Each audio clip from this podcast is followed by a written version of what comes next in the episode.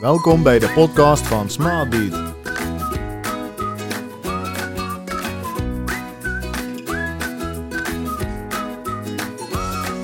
De podcast die gaat over het leven, je leefstijl, de invloed hiervan op jouw gezondheid. Objectief, doeltreffend en daadkrachtig. We gaan in gesprek met elkaar, onze experts, klanten, wetenschappers en mensen met een inspirerend verhaal.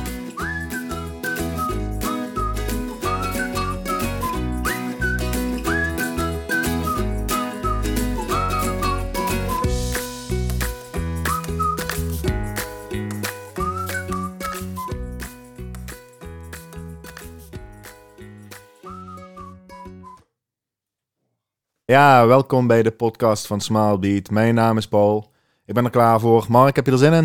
Ik heb er enorm zin in, Paul. Ik ben heel erg benieuwd wat dit ons gaat brengen. Ja, anders ik wel. Onze eerste, eerste aflevering van onze podcast.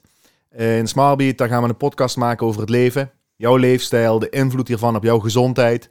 Uh, ik denk dat wij praktische jongens zijn. Lekker duidelijk, objectief. En we doen alleen maar dingen die doeltreffend en daadkrachtig zijn. Uh, in deze podcast gaan wij in gesprek met elkaar, met onze klanten, eh, met onze leefstijlexperts, maar ook wetenschappers en mensen met een inspirerend verhaal. Kortom, een lach en een traan, zoals het echte leven. Mark, we gaan beginnen. Laat maar gaan, Paul. Yes. Uh, beginnen bij het begin. Wie is, uh, wie is Mark? Ik altijd een hele mooie, diepe, diepe vraag die, uh, waar ik altijd wel even over na moet denken. Wat ga je dan allemaal vertellen? Wat vinden de luisteraars interessant? Ja. Ik denk dat het leuk is om te vertellen dat ja, dat Smartbeat ontstaan is uh, met een reden. En uh, vanuit een zoektocht die we misschien, misschien samen gehad hebben, uh, ja, staan we nu aan de, aan de vooravond van ja, hopelijk een hele mooie organisatie die we samen aan het optuigen zijn. En ja, ik ga meestal terug naar, naar, naar, eind 2017. En in dat jaar had ik veel ambities. Ik ben altijd ambitieus. En in dat jaar wilde ik een, eh, een hele, de hele triathlon in Maastricht uh, volbrengen. En dat is uh, mislukt.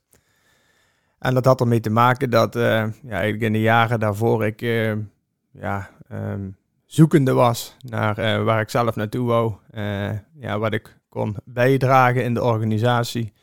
En ik liep vaak tegen ja, bepaalde zaken aan die, ja, waarin ik mij niet kon vinden, waarin ik mijn drive niet kwijt kon. En ehm, ik ging dat vooral compenseren, waar ik eh, in het werk mijn energie steeds minder kwijt kon. Um, ging ik dat compenseren in de sport. Ik ging steeds meer sporten. Uh, ik ben een triatleet en daar ben ik in 2011 uh, eh, mee gestart. En zoals ik ben, begint dat klein en groeit het uit naar, naar groter en groter. En um, ik had altijd al het idee van ik wil ooit een keer een hele triathlon volbrengen. Voor de mensen die dat, uh, die er niet weten, wat is, een, wat een hele triathlon? Een hele triathlon is, um, daarin uh, heb je drie onderdelen. Uh, zwemmen, fietsen en hardlopen. En um, daarin zwem je 3,8 kilometer, fiets je 180 kilometer en mag je nog een marathon daarna lopen. dus 42 kilometer. en dat ja, liefst zo snel mogelijk. In ieder geval binnen een bepaalde, bepaalde tijd.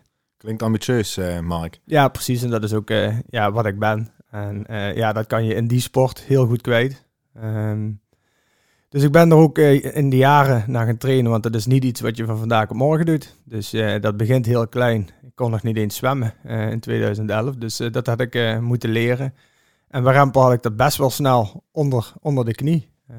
ja, niet dat ik een topzwemmer ben, maar ik kan nog aardig wat, wat snelheid maken in de baantjes. Wat is je snelste, je beste onderdeel eh, van de triathlon? Ja, dat is, uh, ja, dat is echt wel fietsen. Ik ben wel, uh, weet je, ik ben niet de, lichtste, uh, maar in een triathlon waar je gewoon lekker lang op de rechte lange wegen vooruit kunt gaan, ja, dat ligt mij wel. Dus weet je, die dikke kuiten van mij ja, le lekker laten draaien. Dan, yes. dan wordt dat vermogen wel omgezet. Maar je, je staat in Maastricht bij de start. Is je allereerste hele triathlon, begrijp ik. Ja, dat was mijn allereerste triathlon. En uh, ja, weet je, je merkt in de weken ervoor al dat dat heel veel stress met zich meebrengt. Dat is ook wat je jezelf oplegt. Um, en um, ik had dat jaar in de voorbereiding had ik in Luxemburg een, een wedstrijd, een halve triathlon, een Ironman 73, had ik aan meegedaan. En het was slecht weer die dag. Was zelfs zo slecht dat ze het zwemonderdeel daar gecanceld hadden, omdat het water in de te hoog stond. Het was een, een rivier en dat nat. stroomde te hard, het was veel te nat. Ja. Ja. dus ehm, dat was Dat is wel een voordeel, een voordeel bij het zwemmen over het algemeen, hè, dat het wat nat is. Ja, ik vind dat wel lekker altijd Ja. een beetje afkoelen. Jammer dat dat in het begin is. Ja. Ik zou het beter aan het einde kunnen hebben. Maar dus daar hadden ze het, ehm, eh, het zwemonderdeel gecanceld. Dus dat begon al met een 5 kilometer eh, eh, run. Dus het was meer een runbike run. Ehm, het was echt slecht weer die dag. En eh, na, na het lopen en het fietsen ehm, zat ik in een groepje wat eigenlijk niet mag. ehm, met, eh, in, in zo'n eh, in zo'n wedstrijd. En door het slechte weer gingen er een aantal mensen voor mij onderuit. En ik ging daar denk ik met 40 km per uur vloog ik daar overheen. En op dat moment mijn, mijn schouder uit de kom. Ik heb wel nog die 90 kilometer uitgefietst. met een, ja, met, met, met de veronderstelling dat ik nog steeds die, die wedstrijd uit kan lopen. Maar eh, na het fietsen mocht ik ook niet meer verder.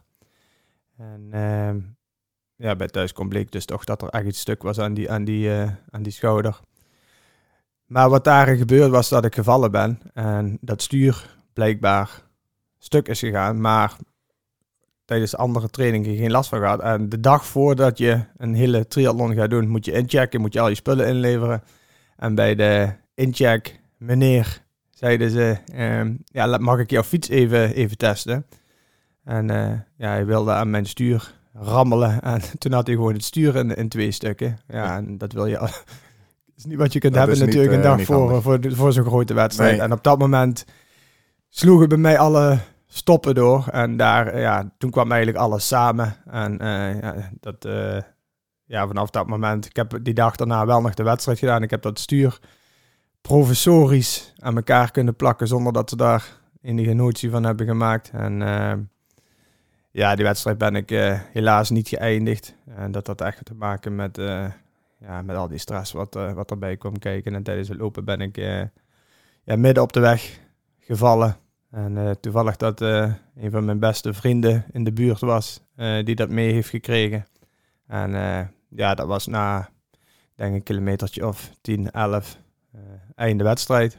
Dus, Ja. ja, ja toen, eh, toen kwam ik eh, in, in een fase terecht waarin, een, eh, ja, waarin ik erachter kwam dat er toch echt wel iets mis was. En eh, ja, dus eh, dan ga je onderzoekjes doen. En eh, toen zijn ze erachter gekomen dat het een bore-out was. Dus tegenovergestelde van een burn-out. Te veel energie en dat niet goed kwijt kunnen. En eh, Maar je doet, je doet een triathlon en daar gaat heel veel energie in zitten. Maar ergens voel je waarschijnlijk, eh, ik moet die energie als ehm, ehm, werknemer of, of als, als, als man moet ik ergens anders ook nog in kunnen steken. En daar vond je het niet. Nee, precies. Dat, eh, dat merkte ik heel erg in mijn werk. Weet je, dat was, eh, het was een prima werkgever. En ik had leuke collega's. ehm, en er was veel mogelijk. Het ging ook heel goed.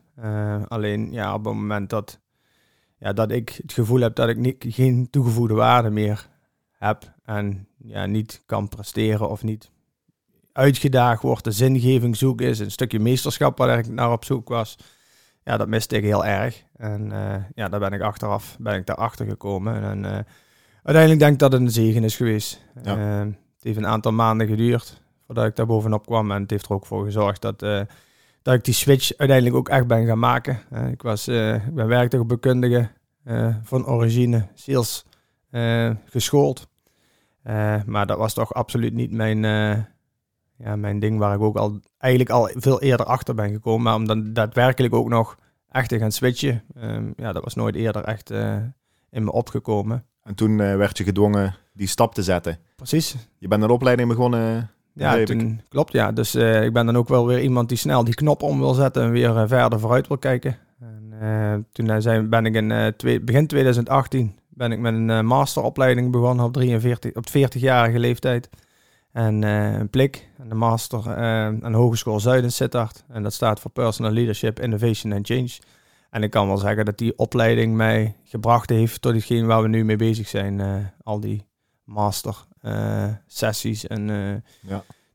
ja, die aantal jaren die ik daarin geïnvesteerd heb, ja, daar heb ik steeds meer vitaliteitsprojecten in mogen doen. En eh, totdat daarin, eh, ja, eh, helaas, vorig jaar maart het, het doek viel. voor het hele land eigenlijk wel. Waarin ja, Mark Rutte aangaf dat, dat we in de lockdown gingen. En er toch heel veel ja, zaken door de urgentie heel snel veranderden. En waardoor ook mijn opdracht destijds stopgezet werd. Maar daarvoor had ik jou al in een uh, leuk project leren kennen, waarin jij de, uh, voor veerkracht het gezicht zou gaan worden in, in een vitaliteitstraject. ja.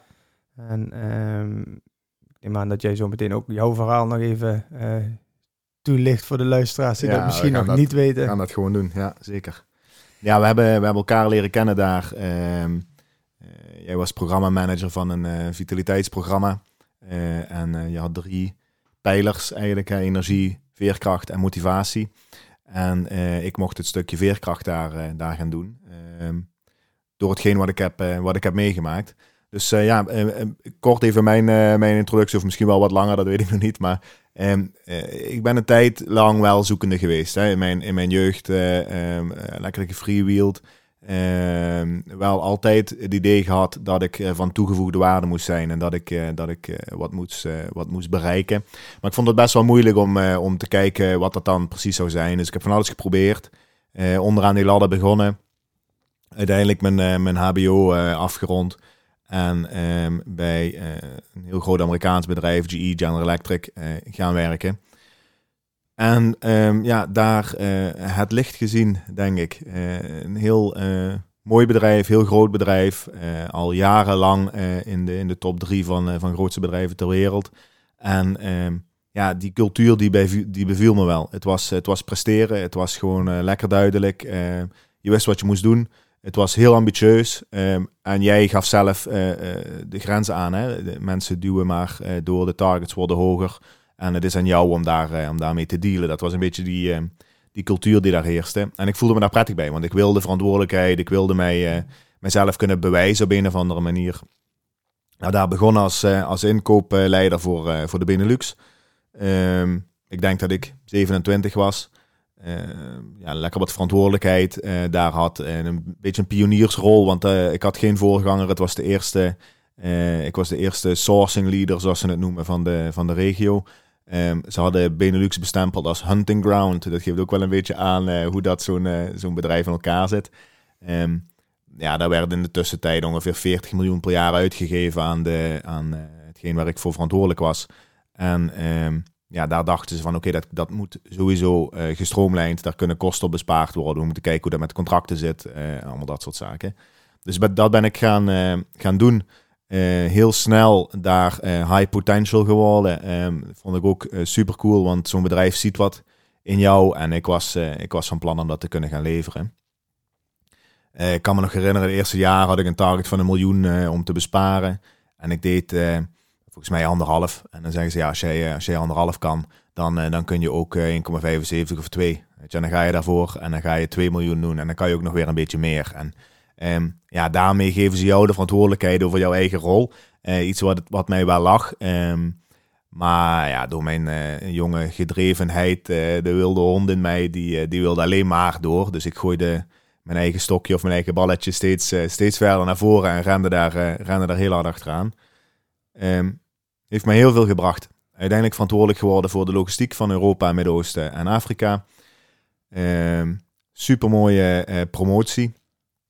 Um, achteraf uh, zeggende hè, heeft mij dat wel steeds verder verwijderd van, mij, van mijzelf. Hè. Ik, ik ben uh, heel rationeel uh, gaan denken. Ik heb daar, ja, ik zei altijd, mijn leven is een Excel-sheet. Ik ben gewoon heel, um, heel, heel erg bezig met de cijfers en de nummertjes en mijn targets halen.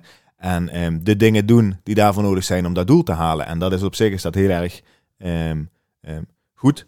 Van de andere kant heb ik nu geleerd dat alle gevoelens uitschakelen ja, niet zo uh, verstandig is. Um, dus ik ga, uh, ik ga daardoor. Uh, ik, ik ben heel veel van huis. Ik maak lange dagen. Ik, ik zit heel veel in een vliegtuig. Um, wordt eigenlijk alleen maar meer en erger. Op een gegeven moment ben ik in drie tijdzones in een week. Ik, ik slaap slecht, ik eet slecht, ik heb veel verantwoordelijkheid. maar voel mij toch best wel het, het mannetje daar. Um, ja, en je gaat steeds meer eigenlijk verliezen van het huidige leven, wat mij helemaal niet uh, zo opviel toen en wat ik ook helemaal niet zo belangrijk vond. Hè. Ik, ik ben dan een week van huis en kom terug. En dan bellen vrienden of dat we wat kunnen gaan doen of kunnen gaan uiteten of dat soort zaken. Ja, dan wil ik eigenlijk liever even thuis zijn. Dus dat zeg je twee, drie keer en de vierde keer bellen ze niet meer. Maar weet je, dat hoort erbij. Niemand begreep mij. Uh, ik was op mijn eigen missie en die moest ik volbrengen. Ehm, ja, ik ben gaan bouwen aan die, aan die eigen gouden kooi, denk ik, achteraf. Waar je heel moeilijk uit kan. Um, er komen kinderen thuis, dat, dat het loopt ook um, spaak, want ik, ik blijf doorgaan in die molen. En, Had je toen dan niet het gevoel van, Paul, dit werkt zo niet? ik denk dat ik dat weg heb gestopt. Dus ik heb, ik heb, ik heb helemaal geen emoties getoond, helemaal niet in mijn, in mijn werk. En ja, en privé ook steeds minder. Je staat alleen maar op die zakelijke modus. Um, dus ik denk wel dat ik tekenen heb gekregen, maar die heb ik heel hard genegeerd uh, op dat moment. Ik moet wel zeggen, um, uh, mijn kinderen waren um, twee en vier, Mitch en Vee. De oudste Mitch, vier jaar, toen uh, Vee was twee. toen we zijn gaan scheiden en toen kwam ik alleen in, een, in een huis te zitten bij, bij mijn oma. Mijn oma die had een een, uh, een hersenbloeding gehad en die, uh, die was aan het revalideren en haar huisje was, uh, was beschikbaar. Dus daar ben ik in ingetrokken toen, voor de time being.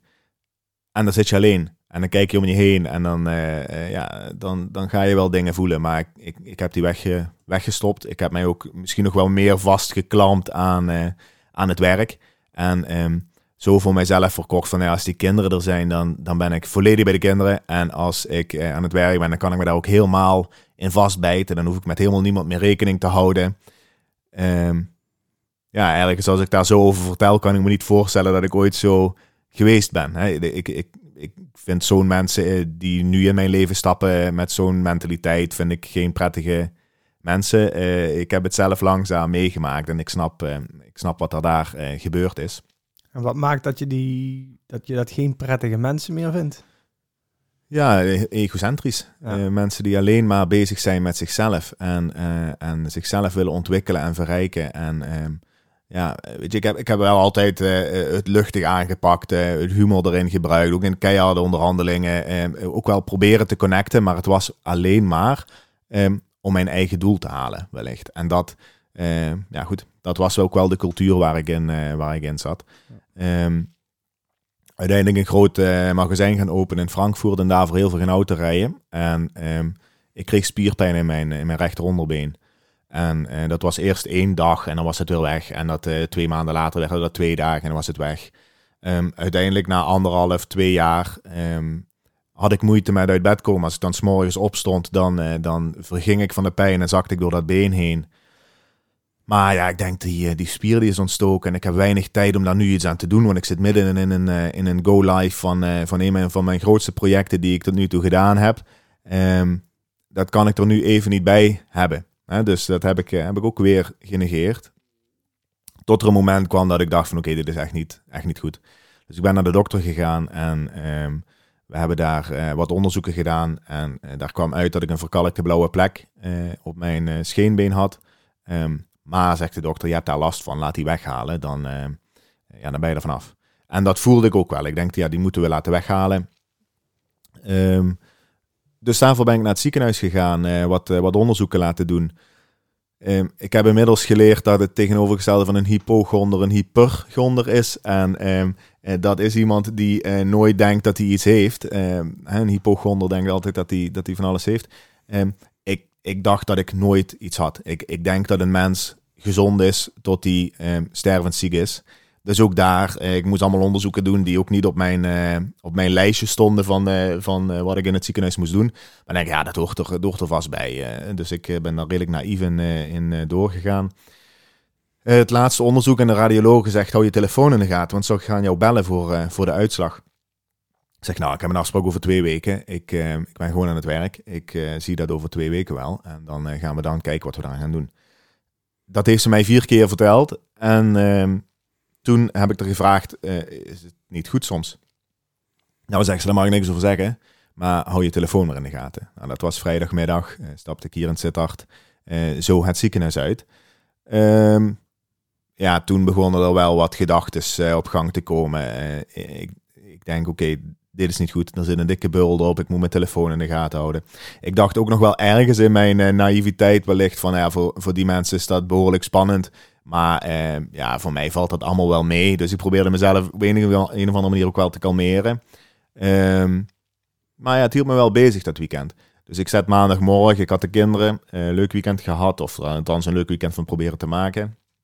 En ik zet de kinderen op school af maandagmorgen en ik rij naar het werk en daar belt de arts. En die zegt, uh, meneer Ramak, zorg dat je aan het rijden bent. Ehm, zet je auto even aan de kant, want wij moeten een, een goed gesprek hebben met elkaar. Uh, toen zat het hard in mijn keel. Ik, ik denk, oké, dit, is, dit is het moment. Je gaat nou horen wat er, wat er aan de hand is. En de arts vertelt mij dat ik een tumor van 20 bij 5 centimeter in mijn rechter onderbeen heb. En dat hij mij die week wil zien voor, voor vervolgonderzoeken. Onder andere een longfoto. Hè. Als het zou uitzaaien, zou het uitzaaien naar de longen. Maar ook, ik moest ook een punctie laten maken. Ja, Mark, toen ehm, toen stortte mijn leven wel even in. Ik, ik heb tien jaar lang geen emotie getoond. En het leek of op dat moment er een breekijzer achter die emotionele deur kwam.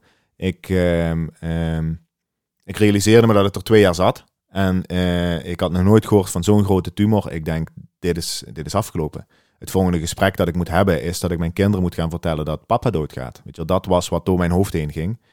Um, echt killing. Uh, en, en alles kwam eruit uh, die week ik heb die onderzoeken gedaan. Ik heb ook wel tegen mezelf gezegd van als het alleen in mijn been zit, weet je, al halen ze mijn been ervan af. Ik was bereid om allerlei offers te brengen om um, mijn kinderen nog maar groot te zien worden en, en zelf um, het tweede deel van mijn leven te kunnen gaan, uh, gaan leven.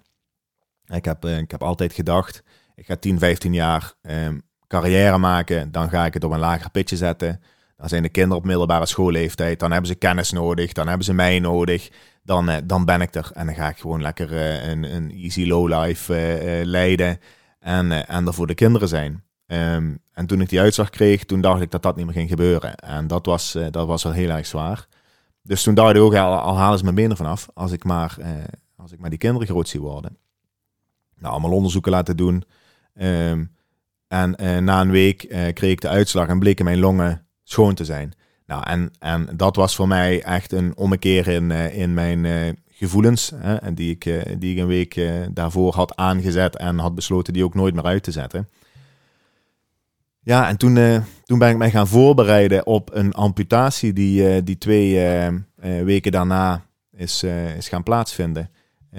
en inmiddels loop ik twee jaar rond met een, met een prothese. Maar toen wist ik er nog helemaal niks, niks vanaf. En heb uh, het selecte groepje waar ik dit mee heb gedaan uh, helemaal gek gemaakt met, uh, met dingen die je wel en niet met een prothese kon. En ik heb daar filmpjes gezien van mensen die met een prothese meer kunnen dan ik met twee gezonde benen kon. Dus ik denk, ja, dat gaat wel, dat gaat wel goed komen. Ik hou van een uitdaging. het gaat nu van een levensbedreigend probleem in één keer naar een praktisch probleem. bring it on. Dus zo ben ik dat, dat ingegaan. Um, ja, mooie dingen gedaan. Nog ook met mijn kinderen. Dat, uh, dat allemaal besproken. Ook, ook gezegd dat ik een tumor had, dat ik kanker had. Uh, nog wel een mooi moment daar was dat, uh, dat Mitch, die was toen vijf. Die zegt van, oh kanker. Hij zegt, maar zit het alleen in je been of zit dat soms in je hele lijf? Want ik heb ook ooit gehoord dat het in je hele lijf kan zitten. Het was hij vijf hè. En ik zeg, nee, ja, het zit alleen in mijn been. Oh, zegt, oh gelukkig, dan ga je niet dood. Je, nou was voor mij ergens uh, wel iets waar ik mij aan kon vasthouden. Ik, wist natuurlijk dat er best nog wel wat kankercellen rond konden zwerven, zoals dat bij iedereen kan natuurlijk.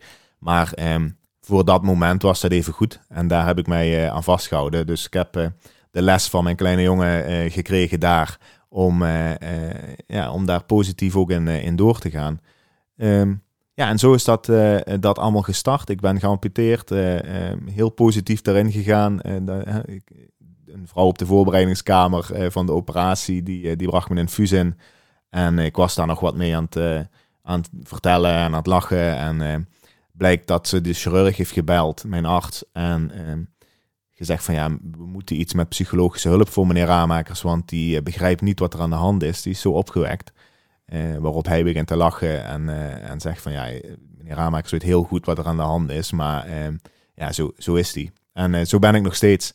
Uh, ik bedoel, ik heb kans van leven gekregen, Mark. Ik, uh, ik ben uh, hartstikke blij dat ik hier in een, in een goed ontwikkeld westers land woon, waar, waar het zorgsysteem zo goed op orde is. ik zeg altijd, als ik in Amerika had gewoond en ik had geen geld gehad, dan hadden wij niet meer in deze podcast gezeten, denk ik. Dus zo ben ik het, het, het gevecht aangegaan, de amputatie doorgekomen, gaan revalideren. En ehm, uiteindelijk ehm, wilde ik mensen bereiken en motiveren en inspireren om hun leven in handen te pakken, um, om de regie te nemen over hun eigen leven en um, daar goede keuzes in te kunnen maken. Um, leefstijl speelt daar natuurlijk een hele grote rol in. Hè. Het is nooit aangetoond, maar ik, ik denk zelf dat ik een heel groot gedeelte van hetgeen wat mij overkomen is, aan mijn eigen leefstijl te wijten heb. slechte voeding, slecht slapen, heel veel stress, weinig bewegen. Ik denk dat dat in ieder geval geen uh, gezond, uh, gezonde omgeving is voor, jou, uh, voor jouw cellen om, om zich in te verkeren.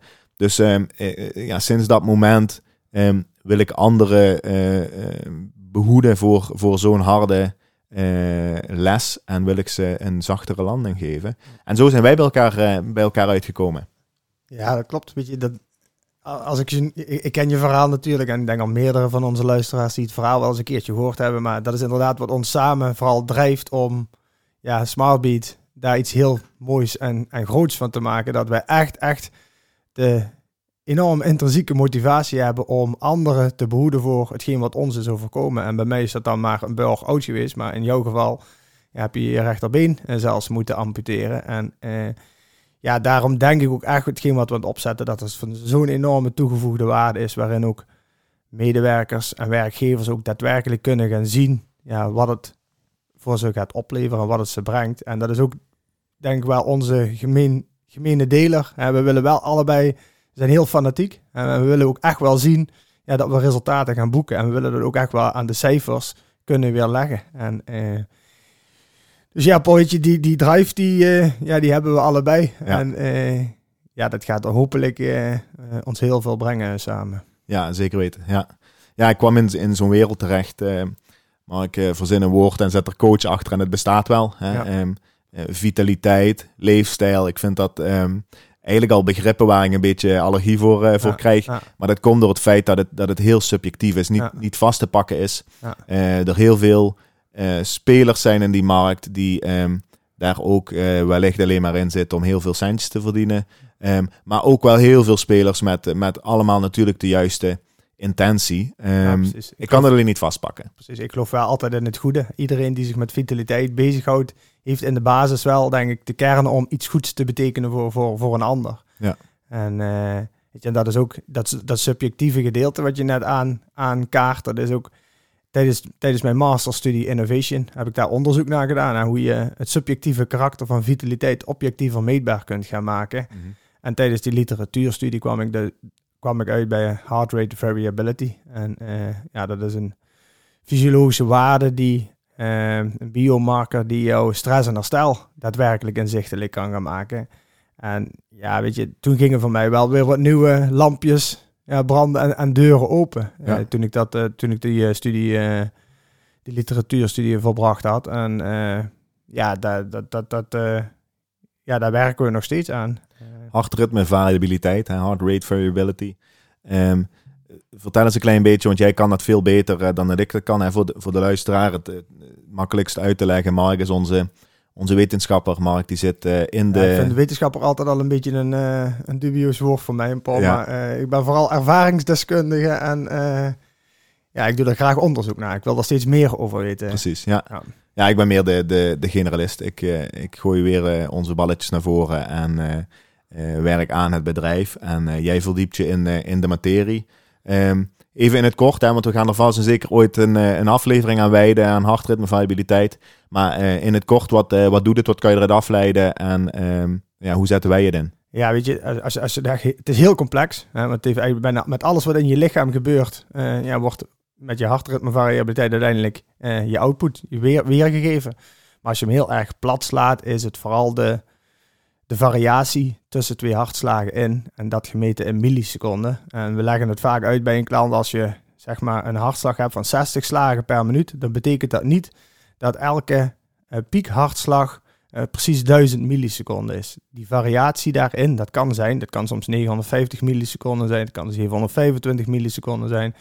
Uh, 420 milliseconden, die variatie, dat is de heart rate variability. En die zegt heel veel over je autonome zenuwstelsel, dus het sympathische en het parasympathische deel. En ja, daardoor, door dat te goed te kunnen meten, en dat is ook nog wel een dingetje waar we eens een keertje in een andere podcast over uit kunnen wijzen, uh, is dat vooral de nauwkeurigheid als je met milliseconden gaat meten, super belangrijk is om, om betrouwbare waarden naar boven te krijgen. Ja, ja daar hebben we een, een wearable voor. Um van, het, van de Finse producent Firstbeat. Um, die maakt eigenlijk een elektrocardiogram. Hè, en onze klanten die dragen die 72 uur dag en nacht. Um, en um, die wearable die meet jouw hartritme, variabiliteit, maar ook jouw hartslag, jouw beweging, jouw ademhaling. En die berekent je maximale zuurstofopname. En na die 72 uur dan gaan we de data, of ga jij eigenlijk de data analyseren en komt daar een, uh, een hele duidelijke, objectieve rapportage uit. Um, en dat is de, de trigger, hè? dat moet de urgentie blootleggen. Dat, dat lost het probleem niet op, maar dat laat wel heel duidelijk zien waar het, waar het probleem zit, waar de verbeterpunten eh, zitten. Um, ja, en dan ga je met, met iemand aan de slag um, om, daar, uh, om daarin te verbeteren. Ja, ja. het, het, mooie aan, aan, aan, aan de hardware en de software is gewoon dat je daadwerkelijk echt kunt zien hoe het op dat moment met je gaat. Weet je, meet een aantal dagen. En in de toekomst worden dat, ja, hoe meer data we over een, van het individu krijgen, hoe beter we iemand kunnen gaan coachen. Maar dat, dat je echt objectieve gegevens naar boven krijgt over je slaap, over het stress, herstel, je fysieke inspanning, je calorieën, energieverbruik. Um, daardoor kun je, uh, uh, en dat is een beetje tegen coaching in, want coaching is vaak dat je de, de, het, individu zelf naar de oplossing laat zoeken. Deze tool helpt er wel al bij om ja, beter aan die knoppen te gaan draaien. Want je ziet daadwerkelijk ja, waar het eventueel fout gaat. Of waar het aan de andere kant, waar het gewoon heel erg goed met je gaat. Ja. We, hebben, we hebben best wat, wat mensen geanalyseerd inmiddels. Uh, is er veel erkenning? Is er ook veel acceptatie bij, uh, bij die mensen als, het, als jij het, het, het, gesprek met ze voert en het rapport laat zien? Bij, bij, elke, bij iedereen die ik op dit moment gecoacht heb of geanalyseerd, voel je die erkenning dat ze zeggen van ja, weet je, ik zie het nu. ik wist altijd wel dat het zo was. En doordat ik het nu zie, kan ik het ook veel beter een plek geven. Dus die bewustwording, die, ja, die, die is bijna direct daar. En, en soms ook wel die urgentie om daadwerkelijk direct, heb ik ook meegemaakt, dat, uh, dat er gewoon direct diezelfde dag nog acties ondernomen werd uh, richting een, een verandering. En dat kan carrière uh, perspectief zijn, maar dat kan ook gewoon met je eigen gezondheid te maken hebben. Ja, ja ik denk dat dat de kracht is. Hè. Ik, we zitten direct bij de, bij de kern. Er, zijn weinig gesprekken nodig om, om echt bij de diepere, in de diepere lagen te komen. Um, ik denk dat dat, eh, dat een hele sterke is van, de, van het objectieve, en, maar ook het wetenschappelijk onderbouwde uh, methode die wij, die wij gebruiken. Ja, klopt. Want ik, wat, ik, wat ik vaak zie, hè, dat, er komen een aantal getallen naar boven. Hè. Je krijgt bijvoorbeeld een, een score van 90, 100 op, slaap. Of, uh, of 35, 100 stress en herstel. Maar wat ik vaak zie is dat ik die getallen eigenlijk veel minder belangrijk vind. Het gaat erom dat er drie etmalen gemeten zijn en ik met, die, met het individu een hele dag doorloop. Dus de informatie die daarachter schuilt, ja, die wordt wel heel snel verteld. Waar je normaal gesproken misschien wel tien coaching sessies voor nodig hebt om, om de urgentie eventueel naar boven te halen. Ja, dat, dat, dat kun je nu niet meer verbergen, want dat staat daar gewoon heel hard in, uh, in, in, in de grafieken. Ja. Dus dat maakt gewoon dat het gesprek al direct op een bepaald niveau uh, ingezet gaat worden. En dan merk je ook gewoon soms uh, bij mensen, sommigen gaan er wat ja, makkelijker mee om, maar soms merk je ook gewoon dat mensen ja, direct ervaren van oké, hier, hier, hier moet ik echt mee aan de slag, want uh, ja, dit ga ik zo lang, niet langer trekken. En ik wist het wel, maar dit is wel even de trigger die mij ja. in staat stelt om, om ook door te gaan pakken. Absoluut.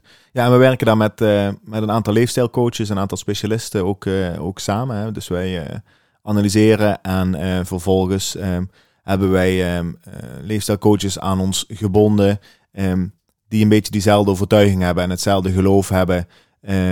dat het objectief moet zijn, dat het meetbaar moet zijn, dat, dat het ook gewoon doeltreffend moet zijn. En zoals ik het zie, wij, wij als Smallbeat zijn verantwoordelijk voor de, de KPI's in het, in bedrijfsleven. Uh, wij moeten ervoor zorgen dat er een continu verbetering um, zichtbaar is. Dus dat we die kunnen aantonen. En we hebben een aantal coaches aan ons verbonden waarvan wij, um, uh, waarin wij vertrouwen hebben dat zij op individueel niveau de, eh, de mensen ook naar een, ehm, ja, naar een hoger niveau kunnen tillen qua eh, leefstijl en, eh, en gezondheid. Um, mooi schaalbaar, denk ik, het concept ook. ja, het, wordt, het wordt steeds groter en steeds echter. Um, uh, ja, ik, ik, heb het zin in om, uh, om, uh, om daarmee door te gaan, uh, Ja, ik denk dat het ook wel goed is om te vermelden, Paul, dat we ook echt met specialisten samen willen gaan werken. Hè. Dus we hebben dadelijk een slaapdeskundige, we hebben een voedingsdeskundige, we hebben een stress- en hersteldeskundige, we hebben ook een HR- en organisatiespecialist, ja. waar, waar nodig. Dus onze leefstijlcoaches zijn onze projectmanagers binnen de organisaties die ook echt samen gaan werken met, in teams en met individuen. En maar als het dan uh, een hele specifieke uh, vraag gaat worden, dat altijd die specialist uh, erbij geroepen kan worden om, om, om, om de zaak wat verder uit te diepen. Ja, ja ook weer om, om de slagingskans te vergroten en om, om daadkrachtig aan de slag te kunnen ja, gaan. Ja. En Mark, de, onze eerste podcast. Ehm, wat, wat kunnen de mensen voor jou verwachten in deze podcast-series? Ja, wat, wat, mij betreft, Paul, gaan we echt met de werkgever, met de werknemer, met de ondernemer echt de verhalen naar boven halen. En naar, naar aanleiding van de leefstijlanalyses die we bijvoorbeeld met een ondernemer of een werknemer hebben gedaan.